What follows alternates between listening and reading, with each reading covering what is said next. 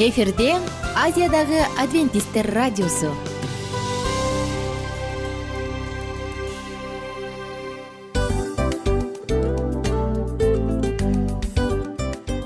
Достор салют. Баардык сүйүктүү угармандарыбызга салам айтабыз. Кутман күнүңүздөр менен. Ден соолук өмүрдүн булагы демекчи саламат саамы программасында баарыңыздарды көргөнүбүзгө абдан кубанычтабыз. Анда алгач амандашып өтөлү арбаңыздар деп. Ден соолугуңуздар кандай элибизде көбүнчө ден соолук кандай дегенде эле жакшы деп жооп беребиз э? ооруп турсак дагы жакшы дейбиз. Анан мен муну айтып ойлойт элем бул абдан сонун сөз депчи анткени бул жакшы деген үмүт да э баары жакшы болот. Баары сонун. Деп үмүттөнүп атып эле өзүбүздү өзүбүз дарылап коебуз.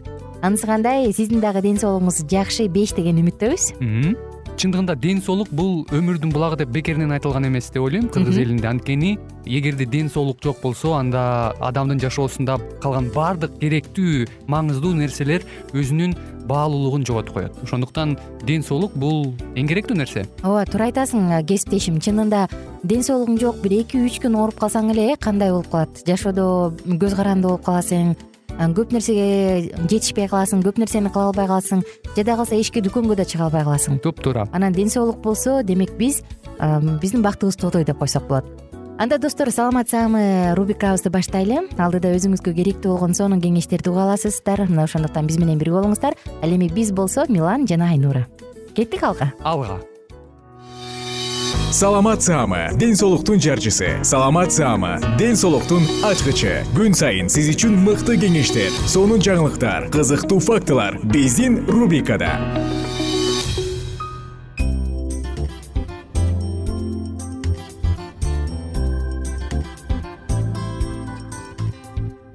Салют достор кандайсыздар? Айымдар жана мырзалар жалпыңыздар менен амандашып биз саатыбызды баштадык. Бүгүнкү темабыз айыз учурундагы ооруну басаңдатуу же менструалдык айыз учурунда ооруну кантип басаңдатыш керек?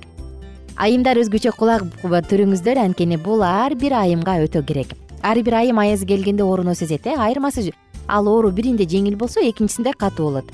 Бизди ай сайын кыйнап турган бул оорунун себептери жана аны кантип басаңдатуу тууралуу төмөндө биз сөз кылып беребиз. Негизи белгилүү болгондой ай сайын аялдардын организминде жумуртка клеткасы бышып жетилет эгерде бойго бүтүү болбосо ал өлөт. Ал эми организм өзүндөгү ашыкча нерселерден арылууга аракет жасайт. Жатындан керексиз ткандарды жана суюктукту бөлүп чыгарат. Ашыкча нерселер жакшы бөлүнүп чыгыш үчүн бул учурда организм булчуңдардын жырылуусуна жардам берүүчү простаглантин аттуу затты иштеп чыгарат. Эгер бул зат өтө эле көп иштеп чыкса анда оору менен коштолот. Бул албетте айыз учурундагы оорунун жалгыз эле себеби эмес андан башка дагы себептер бар гинекологиялык оорулар физикалык кыймылдын аздыгы тукум куучулук кальцийдин жетишсиздиги магнийдин жетишсиздиги мына булардын баардыгы тең айыз учурунда катуу оорунун себеби болот экен. Эми достор биз мурунку уктуруубузда бир уктурууда айтып өткөнбүз. Аял заттын аял затынын жашоосунда болжолдуу түрдө болжолдуу эсеп менен төрт жүз жолу менструалдык айыз келет деп эсиңиздеби мына ошондуктан төрт жүз жолу келсе төрт жүзүндө он күндөн ооруй турган болсо төрт миң күн ооруй турган болсок ой анда бул өтө эле көп болуп кетет ошондуктан келиңиздер. Айыз учурунда мындай ооруну кантип басаңдатса болот ошол жөнүндө сөз кылалы. Биринчи эле кезекте ар кандай оорулардын баардыгынан арылганга аракет кылыңыз. Ар бир аялда бул дисмонорея деп аталат. Дисмонорея бул ошол айыз учурундагы оору э? Дисмонореяны баштан өткөрүп аткан айым гинекологиялык бир сыйра осмотрдан обследованиядан өтүп анан эмне себептен анын ден соолугунда мынча чоң көйгөй болуп атканын бир сыйра анализди билип алышы керек? Дисмонорея кээде эндометриоз же сезгенүү процесстеринин же матканын кичине ийилип калганынан же суук тийгенден себеби болушу мүмкүн. Жана мурункуда бир аз мурун айта кеттик тукум куйчулук дагы себеби болушу мүмкүн деп. Кийинки кезекте азыктануу. Туура тамактаныш керек. Бул учурда чакмакташылган кумшекерден толугу менен баш тартуу зарыл ошондой эле ашкабак күн карама кунжут зыгырдын уруктарын көбүрөөк колдонгон жакшы. Жана жаңгактардын түрлөрүн грек жаңгагын өзгөчө э, ошондой эле майлуу кислоталарды жана е витамини камтылган азыктарды көбүрөөк жеген сунушталат. Күнүнө е витамининен бир аз жеп же ичип коюп туруңуз. Жана чылым чегүүдөн кофеинден толугу менен баш тартыңыз. Анткени чылым жана кофеин матканы кыскартат же кичирейтет. Кийинки учур кийинки кеңеш. Эгерде айыз учурунда ичиңиз аябай катуу ооруп атса анда курсактын ылдый жагын жылытуу керек. Ал мейли грелка мененби же баткак мененби айтор айырмасы жок. Мындай грелка же болбосо мындай жылытуу спазмалардын баардыгын тең алат дагы сиз жеңилдей түшөсүз. Эми бир аз болсо дагы баткактан жасала турган припарканы айта кетсем аны деген ысык сууга аралаштырасыз катуу мындай коюу паста түрүндө болсун. Анан ал пастаны ылдый жакка курсагыңыздын ылдый жагына киндиктен ылдый жакка табарсыктын тушуна бир эки сантиметр калыңдыкта жабасыз дагы сыртынан калың одеял менен жаап коюңуз. Жарым сааттан кийин мындай припарканы алып салыңыз жана жылуу суу менен жууп туруп нымдандыруучу крем же май менен сүйкөп коюңуз. Ошондой эле дары чөптөр бар айыз учурунда ичип койсо э, жардам бере турган бул э, ыйык витекс деп аталган кустарник же бадам азыркы учурда бүткүл дүйнөдө өсөт. Бир учурда баягы орто деңиз жакта гана өсчү. Азыркы күндө бүт дүйнөдө өсөт. Бул дагы өзүндө е витамини жана көптөгөн сонун сонун пайдалуу каражаттарды камтыгандыктан бул нерсе дагы жакшы жардам берет. Ошондой эле кандай кылып ичиш керек? Бул ыйык витекс бадамын. Күнүнө отуз кырк грамм анын мөмөлөрүнөн же болбосо чөбүнөн гүлүнөн ичип коюңуз. Эки айдан алты айга чейин дайыма иче турган болсоңуз эртең мененки тамактан кийин сизде айыздык көйгөйлөрдүн баардыгын жоготконго жардам берет. Ошондой эле шалфей жана тысячелетник миң жылдык деп коебуз кадимки эле ал дагы ромашка сыяктуу эле матканын булчуңдарын бошотконго жардам берет. Мелиса жана масло энотеры деп коет. Мына бул дагы абдан жакшы каражат. Буларды дагы күнүнө дарыгер менен кеңешип алып туруп күнүмдүк дозаны атайын белгилеп аныктап алып туруп анан ичип турсаңыз жакшы жардам берет. Ысык ваннаны айттык бүктөлгөн чүпүрөктү үтүктөп же бөтөлкөгө ысык суу коюп алып туруп ошону ооруган жерге дагы басса бул дагы бир жакшы. Жырылган булчуңдарды бошотуп ооруну азайтат.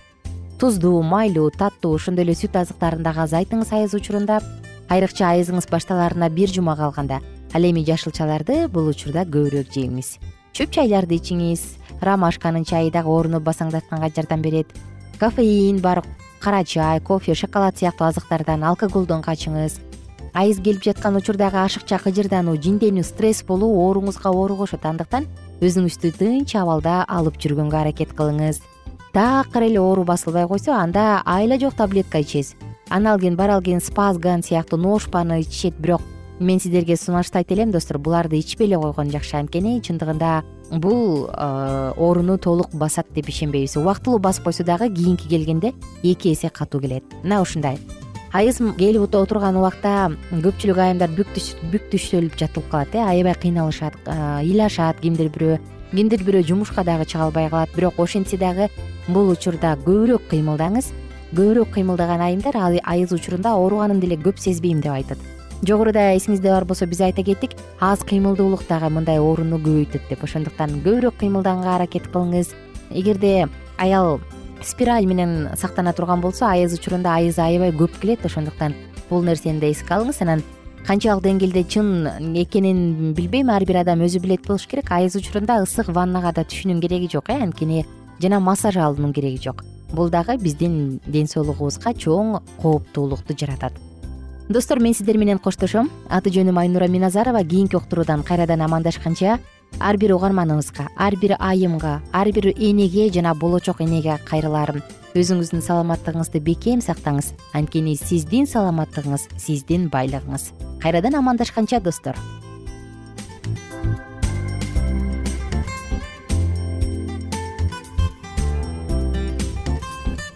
кененирээк маалыматтар үчүн үч w чекит саламат чекит клуб сайтына келип таанышыңыздар. Жана андан тышкары социалдык тармактарда youtube facebook жана instagram баракчаларына катталыңыз. Саламат саама ден соолуктун жарчысы. Саламат саама ден соолуктун ачкычы. Күн сайын сиз үчүн мыкты кеңештер сонун жаңылыктар кызыктуу фактылар. Биздин рубрикада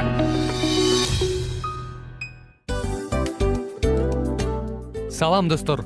Кайрадан биздин сүйүктүү рубрикабызга кош келиңиздер деп айтмакчыбыз. Баардык замандаштарыбызга арбаңыздар деп саламыбызды айтабыз. Улуу ушундай бир урматтаган учурашуу менен анан дил маек радио баракчабызга чакырабыз. Негизи дил маек биздин рубрикабызда эмне жөнүндө кеп кылабыз бул дил маектин мааниси эмнеде рубрикабыз менен кичине тааныштырып кетсеңиз. Сөзсүз түрдө тааныштыра кетейин. Кесиптешим суранычы боюнча бул учурда бул радио баракчада биз ар тарап кесип ээлеринен сонун кеңештерди алабыз сүйлөшөбүз сырдашабыз. Аталарыбыздын эжелерибиздин апаларыбыздын кеңештерин угабыз айтор. Жан дүйнөгө адамдын э, сапатына адамдын деги эле адам болуп жашашына керектүү баардык кеңештер алдыда. Негизи э, дил маек дегенде баягы эки адамдын ортосундагы сырдашуу кенен сүйлөшүү. Негизи эле биз адамдар бири бирибиз менен бир жерге жай жерге отуруп алып өзүнчө тынч э, жашоо жөнүндө өмүрүбүздө эмне болуп атканын бөлүшкөнү жакшы көрөбүз э адамдар. Ооба туура айтасың анан мындай учурга кээде убакыт да жетпей келет э? Же болбосо сырыңды кайгыңды муңуңду кубанычыңды айткың келет а адамга ишенбешиң мүмкүн. Ооба. А бул радио баракча угармандарыбыздын чыныгы досу. Анткени бизден алган кеңеш сиздин жашооңузга чоң жардам берет. Ал эми сиздин бизге айта турган сөзүңүз ортодо гана сыр бойдон калат. Ошондуктан биздин дил маек рубрикабызга дагы бир жолу кош келиңиздер. Жана биз даярдаган маалыматтарга даяр болуңуздар. Айнура жана милан сиздер менен бирге алдыга кеттик ар түрдүү ардактуу кесип ээлеринен алтын сөздөр жүрөк ачышкан сыр чачышкан сонун маек дил маек рубрикасында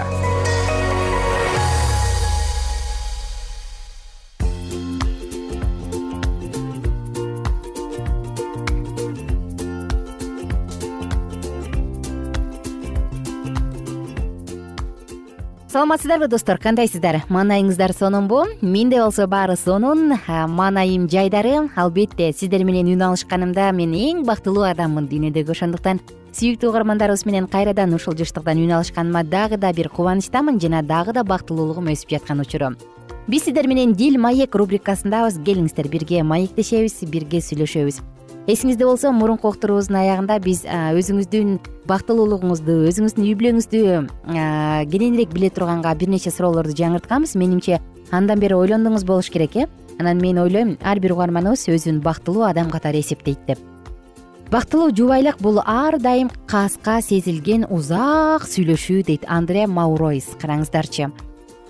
Тагыраак айтканда эгер мен бактылуумунбу десеңиз анда жубайыңыз менен узак ушундай бир баарлашып сүйлөшө алсаңыз анда бул сиздин бирден бир бактылуу экениңизди далилдөөчү факторлордун бири.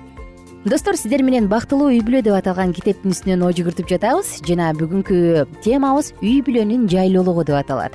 Келиңиздер биз менен бирге болуңуздар дагы алдыдагы сапарга бирге аттаналы. Ата энелер өз балдарынын кызыкчылыгын келечектеги бактысы үчүн гана кам көрүп койбостон мүмкүн болушунча кызыктыруучу жайга айланган өзүнүн үй бүлөлүк очогун курууга дагы тийиштейт бул дүнүйө мүлк чогултуп же акча жыйнаганча караганда ал да канча дагы зарыл келет эмеспи. Үй бүлө кубанычтын жетпей калуусун сезбеши керек. Үй бүлөгө байланыштуу сезимдер балдардын жүрөгүндө мээримдүүлүк менен сакталышы керек. Анткени өздөрүнүн балалык кездеги үйүн элестетишкенде асмандагыдай тынычтык жана бакыт болуп турган жай экенин дагы сезишсин. Караңызчы бул асмандын бир көлөкөсү болуш керек экен үй бүлө бирок тилекке каршы баардык эле үй бүлөдө мындай эмес э кимдир бирөө тескерисинче үйдөн батыраак кетсем экен деп шашат тилекке каршы. Мына биз качан гана биз үйдү ушундай бир асмандагыдай тынчтыкты элестетүүчү жай кылганда гана эрезеге жеткенде өз ата энелерин сооротуучу жана кубаттоочу боло алышат жер үстүндөгү эң жакшынакай жай жөнүндө сөз кылсак үйдү балдар үчүн бул дүйнөдөгү жакшы жайга айландыруу керек. Ал анын абдан өзүнө тартуусу тартуучусу болуп эненин катышуусу саналат. Балдар сезимтал сүйүү мүнөздүү. Аларды өтө эле тез эле кубантып же өтө эле тез эле таарынтып коюуга болот. Эненин өтө жумшак кайрылуусу сүйүү көргөзгөн сөздөрү жана иштери өз балдарынын жүрөктөрүн ээлеп алат үй тиричилигинин олжолуу башкаруучусу болуп тазалык иреттүүлүк жана тартиптүүлүк саналат. Караңызчы үй тиричилигинин олжолуу башкаруучулары дагы бир жолу кайталайынчы. Тазалык иреттүүлүк жана тартиптүүлүк. Эгерде эне иреттөө маселесин өз жашоосунда эң жогорку орунга коюп алып балдарынын дене бой акыл эсин жана тиричиликке такшалдыруучу жактарына көңүл бурбай калган болсо эң чоң катырга ката кетирген болот биз көрүнүп туруучу нерселердин кооздуктарынан качуу менен өзүбүздүн сырткы көрүнүшүбүзгө көңүл бурбай шалакылык кылбашыбыз керек. Биздин сырткы келбетибизге же үй тиричилигибизге керектүү нерсенин баары кызыктыраарлык жана иреттүү болушу керек. Кийинки кезекте үйдөгү иреттүүлүк жөнүндө сөз кылсак. Кудай көңүл коштукту жана тартипсиздикти сүйбөйт. Ага тырышчаактыктын жоктугун көрүү жакшы эмес бул жетишпесиздиктер жубайларда ажырашып калуу коркунучун туудурган өтө маанилүү жамандык. Эгерде аялына салыштырмалуу жолдош иреттүүлүктү балдарынын тартиптүүлүгүн жана өтө жакшы уюштурулган үйдү сүйгөн болсо анда чын эле келинчегине нааразы боло баштайт. Аял же эне иреттүү жол жоболорду сактабаса өзүн жакшы алып жүрө албай үй турмушун жакшы башкара албасы үй бүлөнү бактылуу жана бирдиктүү кыла албайт дейт караңызчы ошондуктан ким ушул суроолорго жалына турган болсо өз турмушундагы алсыз жактарын жандандыруусу зарыл. Эми кийинки кезекте ардактуу жумуш жөнүндө да сөз кылалы. Көпчүлүк үй бүлөлөрдүн аялдарында окууга керектүү кабарларды алууга өз жолдошу менен маектешип өз балдарынын өсүү деңгээлин текшерип турууга убактылары жок болуп калат. Анын күчүн убактысын кызыгуусун өтө оор үй тиричилик жумуштары басып коет. Ал өз үй бүлөсүндө бөлөк бөтөн болуп бара жаткандыгын өтө кеч бир убакыттардан кийин сезе баштайт. Бир учурда ага өзүнүн баягы карамагындагы кымбаттуу адамдарына көргөзүү үчүн берилген баа жеткис мүмкүнчүлүктөрү алардын жашоолорун мүмкүн болушунча көтөрмөлөөгө жумшаган аракеттери пайдаланылбай жана кайрылуусуз жоголуп калат үй бүлөнүн очогун сактоочу даанышмандык планын ээрчүүгө чечим кабыл алсын. Бул силердин эң жогорку максатыңар болсун. Өз үйүңөрдү сүймөнчүлүктүү жайга айландыруу келиңиздер чын эле биздин максатыбыз болсун. Жумушуңарды жеңилдетип ден соолугуңарды колдоочу нерселерди пайдалангыла. Бизге аткаруу керек болгон жумуштардын баардыгы мейли ал ишти аяк баягы идиш аякты тазалоо болсун оорулууга каралап кир жууп тамак даярдоо болсун өзгөчө мааниге ээ биздин көз карашыбызга жөнөкөй сезилген жумуштарды кимдир бирөөнүн аткарышы керек. Ал аны ким аткарса бул жумуш өтө зарыл жана ардактуу деп ойлошу керек. Менин үйүм суктандыраарлык жакшы жай болуш үчүн мен эмне кылышым керек караңыздарчы достор чындыгында бүгүн үй бүлөнүн жайлуулугу жөнүндө сөз кылдык э? Кээ бир адамдар бар да алган жер алган нерсесин койгон баягы алганын алган жерине койбойт койгонун койгон жерине койбойт. Иретсиз шымы бир жерде байпагы бир жерде. Анан мындай адамдарга албетте апасы же иреттүүлүктү сүйгөн атасы сөзсүз ачууланат же болбосо эптеп эле үй болсо болду. Өзгөчө бул азыркы кыйын заманда батирди бат бияттан алмаштырып батирде баягы башка бирөөнүн үйүндө убактылуу квартирант болуп жашагандар үчүн э? Бир үй бүлөгө жаңы үйгө көчүп келсе эле ал жакты жакшынакай жайлуу кылайын десе акча керек. Көчүп кетүүгө туура келет бир аздан кийин э койчу менин үйүм беле дейт дагы эптеп эле эптеп эле күнүмдүк жашоонун өтүшүнө кубанып калышы мүмкүн. Жок андай болбойт.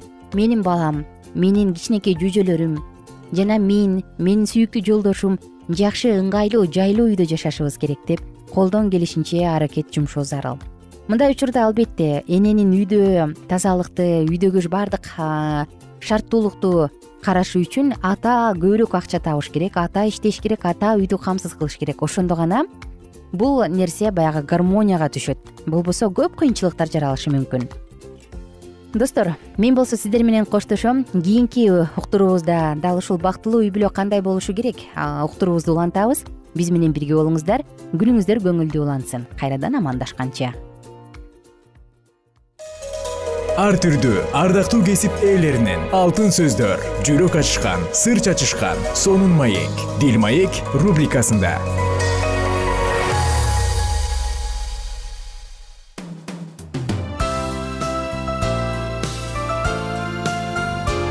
эфирде азиядагы адвентисттер радиосу.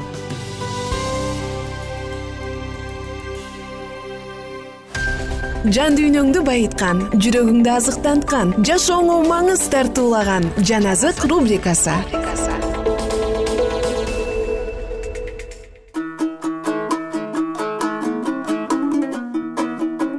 Кутмандуу куш убак күнүңүздөр менен. Биздин кадырлуу радио угармандар. Жалпыңыздар менен биз кайрадан саламат саамы рубрикасынан кийинки дил маек уктуруусунан кийинки жан азык соңку рубрикабызды баштадык. Жана сиздер менен өткөндөн бир нече уктуруулардан бери окуп келе жаткандай марк жазган жакшы кабар китебин окууну улантабыз. Алдыдагы мүнөттөр дагы сиздин жашооңузда эсиңизде кала турган жашооңузга таасирин тийгизе турган сонун мүнөттөрдөн болсун. Марк жазган жакшы кабар он үчүнчү бөлүм ыйса ибадатканадан чыгып бара жатканда шакирттеринин бири устат карачы кандай тоо кооз таштар кандай кооз имараттар? деди.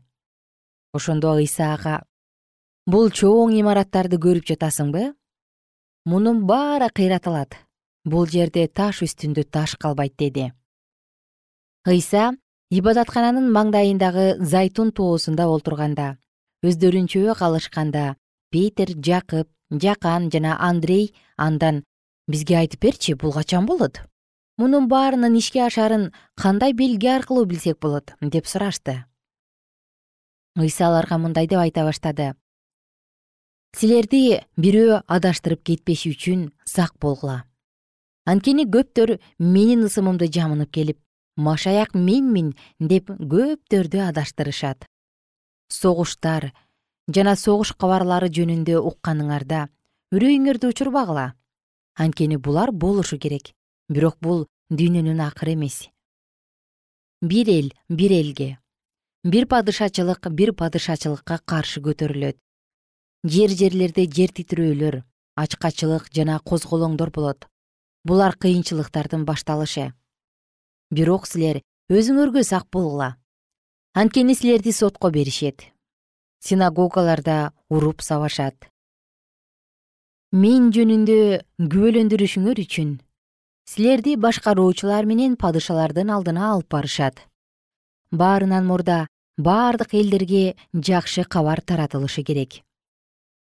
Силерди салып берүү үчүн алып бара жатышканда эмнени айтабыз деп тынчсызданбагыла ошол саатта силерге эмне берилсе ошону айткыла. Анткени силер эмес ыйык рух сүйлөйт бир тууган бир тууганын атасы балдарын өлүмгө куят балдары ата энелерине каршы көтөрүлүп аларды өлтүрүшөт. Менин ысымым үчүн бардыгына жек көрүндү болосуңар ал эми акырына чейин чыдаган адам куткарылат. Окуган адам түшүнүп алсын. Даниэль пайгамбар аркылуу айтылган кыйратуучу жийиркенич турбашы керек болгон жерде турганын көргөнүңөрдө жүйүт аймагындагылар тоолорго качып кетишсин. Ким үйдүн төбөсүндө болсо ал бир нерсе алыш үчүн үйүнө кирбесин. Ким талаада болсо ал кийимин алуу үчүн артка кайрылып келбесин. Ошол күндөрдө кош бойлуу жана эмчекте баласы бар аялдарга кыйын болот. Качууңар кыш мезгилине туура келип калбас үчүн сыйынгыла анткени ошол күндөрдө чоң алаамат болот. Андай алаамат дүйнө жаратылгандан баштап азыркыга чейин болгон эмес жана кийин да болбойт. Эгерде теңир ал күндөрдү кыскартпаса анда эч бир адам куткарылмак эмес. Бирок ал өзү тандап алгандар үчүн гана ошол күндөрдү кыскартты. Ошондо силерге кимдир бирөө мына машаяк бул жерде же тигине тигил жерде десе ишенбегиле. Анткени жалган машаяктар жалган пайгамбарлар чыгат.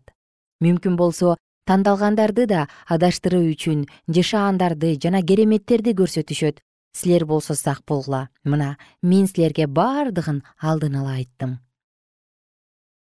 Бирок ошол күндөрдө ошол алааматтан кийин күн караңгылап ай жарыгын бербей калат. Асмандан жылдыздар түшүп асман күчтөрү кыймылдайт. Ошондо адам уулунун булуттардын үстүндө улуу күч жана даңк менен келе жатканын көрүшөт. Ошондо ал өзүнүн периштелерин жиберип төгөрөктүн төрт бурчунан бүт жер жүзүнөн өзүнүн тандалгандарын чогултат. Анжыр дарагынан сабак алгыла. Анын бутактары көп бүчүр байлап калганда жай келерине аз калганын билесиңер. Ошол сыяктуу эле силер да булардын боло баштаганын көргөнүңөрдө аз убакыт калганын босогодо турганын билгиле.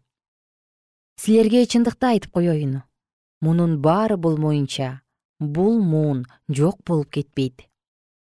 Асман менен жер жок болуп кетет. Менин сөздөрүм болсо жок болбойт. Ал күндү же ал саатты эч ким билбейт. Асмандагы периштелер да уул да билбейт бир гана ата билет. Байкагыла сергек болгула сыйынгыла анткени ал убакыттын качан келерин билбейсиңер. Бул жолго чыгаарда үй жайын калтырып кулдарына бийлик берип ар бирине өзүнчө иш тапшырган дарбаза кайтаруучуга сак болсо сак болууну буйруган үй ээсине окшош. Ошондуктан сергек болгула. Анткени үйдүн ээси качан келерин?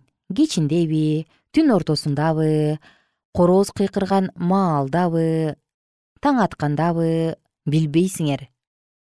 Ал күтүлбөгөн убакта силер уктап жатканда келип калбасын. Силерге айтып жатканым баарына тиешелүү. Сергек болгула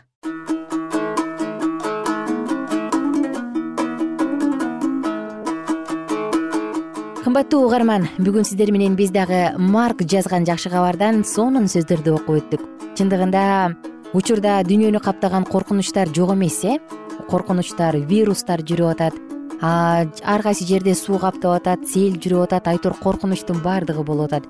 Эгерде бул нерсе сиздин үрөйүңүздү учуруп келе жаткан болсо мүмкүн бүгүн ойлонуп туруп жашооңузга бир сыйра сар эсеп салып анан жаратуучу менен жолукканга даярмынбы деп өзүбүзгө чоң суроону берчү мезгил келди окшойт мына ошондуктан менин кааларым достор бул күн сиз үчүн дагы бактылуу күндөрдөн болсун жаратуучу менен жолуккан. Анткени ал күн биздин түбөлүктүүлүгүбүздү биротоло чече турган учур эмеспи. Ошондуктан кааларым баарыңыздар бар болуңуздар түбөлүгүбүз оң болсунчу. Кайрадан амандашканча сак саламатта туруңуздар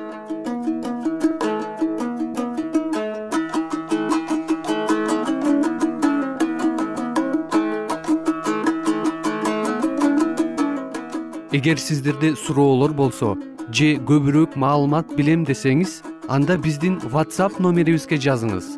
Плюс бир үч жүз бир жети жүз алтымыш алтымыш жетимиш.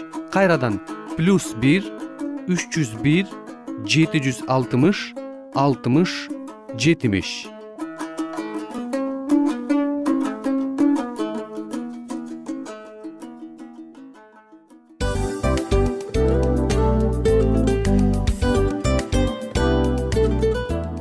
ушул менен достор программабыздын уктуруубуздун эң кайгылуу мөөнөтүнө келип жеттик. Кайгылуу дегенде ыйлагым келип кетти кесиптеш. Кадимкидей анткени баягы учурашасың анан коштошуу учур келгенде ии кантип ии эми бат баттан келиптир э сагындырбай деп атып араң коштошобуз го. Анысы кандай угармандарыбыз менен коштошчу учур келди. Кийинки уктурууларды сагыныч менен жүрөгүбүздө кусалык менен күтөбүз жалпыңыздарды анан жарым сааттык уктуруу көз ачышым канча өтүп кетти. Сөзсүз бирок бизде жакшы кабар бар. Кийинки уктурууларыбызда сөзсүз дагы кезигишебиз. Анткени биз көптөгөн сюрприздерди кызыктуу маалыматтарды жана керектүү керектүү нерселердин көбүнчөсүн даярдадык анда угармандарыбыздын баардыгына ийгиликтүү күн каалайбыз. Эгерде бүгүнкү күнүңүз өзгөчө э, өтүшүн кааласаңыз анда позитивдүү ой жүгүртүп жылмайып жакындарыңызга жакшы маанай тартуулап жүрө бериңиз анткени сөзсүз түрдө мунун арты кайтат э? Сөзсүз. Баягы ден соолугуң оңолот ал бул деп көп нерсени санап келебиз. Эң негизгиси бул сиздин жашооңузду жаркын кыла түшөт экен жараткан кудай ар бирөөңүздөргө батасын берсин жашооңуз ийгиликтүү болсун сак саламатта калыңыздар деп мен милан жана кесиптешим айнура. Баардыгыңыздар менен кийинки уктурууда үн алышканча баарыңыздарга ийгилик каалайбыз